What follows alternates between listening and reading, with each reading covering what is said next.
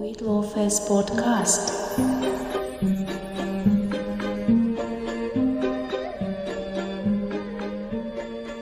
достар бәріне сәлем. Сіздермен мен сайра үсен және бұл уитлов с подкасты. Бұл подкасттық шығарылымдарда біз неше түрлі еркі тақырыптарды талқылайтын боламыз. Ең қызықтыларын жіберіп алмаңыздар. Ал кеттік.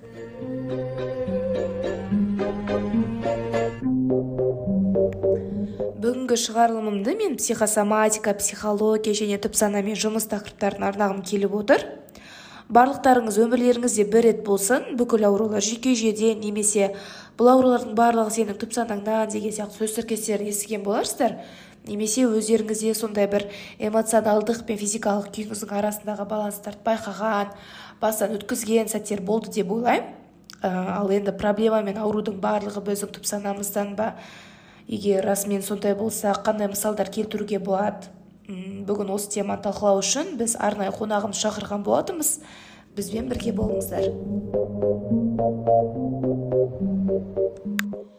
Ал енді танысып қойыңыздар. Бүгінгі біздің арнайы қонағымыз білікті психосоматолог психолог әрі адвокат мұрат есимов. Енді менің ең бірінші қойғым келіп отырған сұрағым ол қазіргі заманда қазіргі сәтте негізі психологқа бару қажет пе? Барлықтарыңызға қайырлы күн. Менің байқағаным көп адамдар психологқа баруға ұялады немесе намыстанады. Олардың ойынша психологқа тек қана ауру адамдар немесе біртүрлі адамдар барады деп ойлайды. Ол өте қате ой. Кез келген адамда өмір болғаннан кейін уайым болады неше түрлі стресс болады адамдармен қарым қатынас кейде дұрыс болмайды. Соның себебін анықтауға оны дұрыстауға психолог көмектеседі. Аха дұрыс айтасыз. Мен сізбен толықтай келісемін. Енді қазіргі кезде көп адамдар психологқа бір мәселемен келеді деп ойлаймын. Ол өзінің проблемасын шешу мақсатында. Ә, еді сол проблемаларды біз ә, жеңіл қабылдау үшін не істеуіміз керек? Ә, қандай көзқараста болуымыз керек? Адамның өмірінде проблемалар жиі кездесіп отырады. Бұл өмірдің бір бөлігі. Одан біз ешқайда қашып құтыла алмаймыз. Біз тек қана сол проблемаларға өзіміздің көзқарасымызды өзгерте аламыз. Кейбір адамдар кішігірім проблемамен кездесіп қалса депрессияға түсіп қайғыға салынып кетеді. Ал егер сол проблемаларды сіз сигнал немесе подсказка ретінде қабылдап дұрыс көзқараспен қарап үйренсеңіз қазіргі проблемаларыңыз кейінгі бір үлкен жақсы заттың бастамасы болуы мүмкін. Рахмет. Енді қазір өзіңіз байқағандай мен кішкене ауырыңқырап отырмын да. Сол себепті сұрап кетейін дегенмін ә, соңғы кездері мен көп ә, тұмау ауруына шалдығатын болғам көп жөтелетін болғам. Сол немен байланысты? Өзіңіз психосоматика маманы ретінде психосоматолог специалист ретінде осы жайлы не айтып кете аласыз?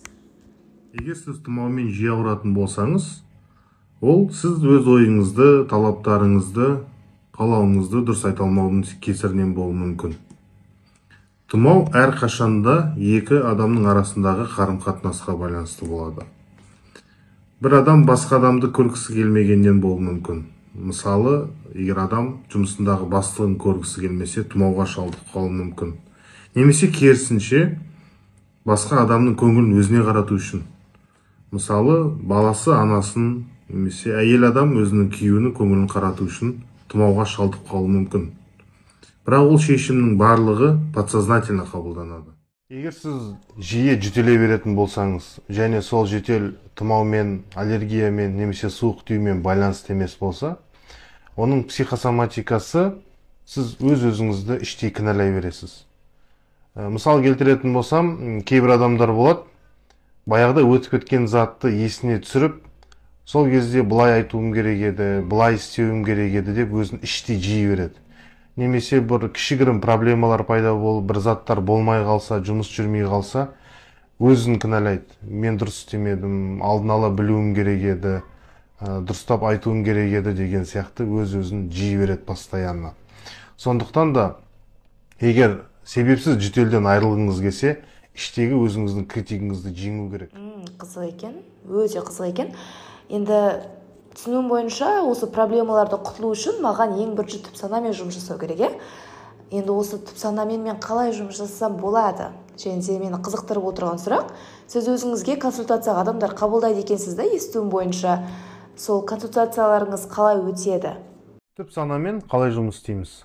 Ойымыздың сапасын қалай жақсартуға болады? Әрине бұл оңай зат емес. Егер сіз ешқашан кітап оқымаған болсаңыз бір күнде бір қалың кітапты оқып мағынасын түсіне салу өте қиын.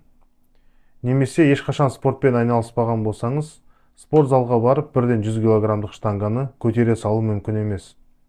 Бұл жерде де сондай сияқты. Күнделікті тренировка қажет. Сондықтан таңертең ұйқыдан тұрған кезде бір екі минут өзіңіздің ойыңызға көңіл бөліңіз. Жақсы заттар ойлауға тырысыңыз. Сөйтіп біраз уақыт өте келе сіз өзіңіздің ойыңызды жақсарту арқылы өміріңіздің сапасын да жақсарта аласыз? Ә, консультацияда ең алдымен келген адамның проблемасын анықтаймыз. Сол проблеманың себебі неде қандай сезімнің арқасында осындай проблема пайда болды. Сол сезімді алғаш рет өмірінде қай кезде сезінді? Соны тауып жөндейміз.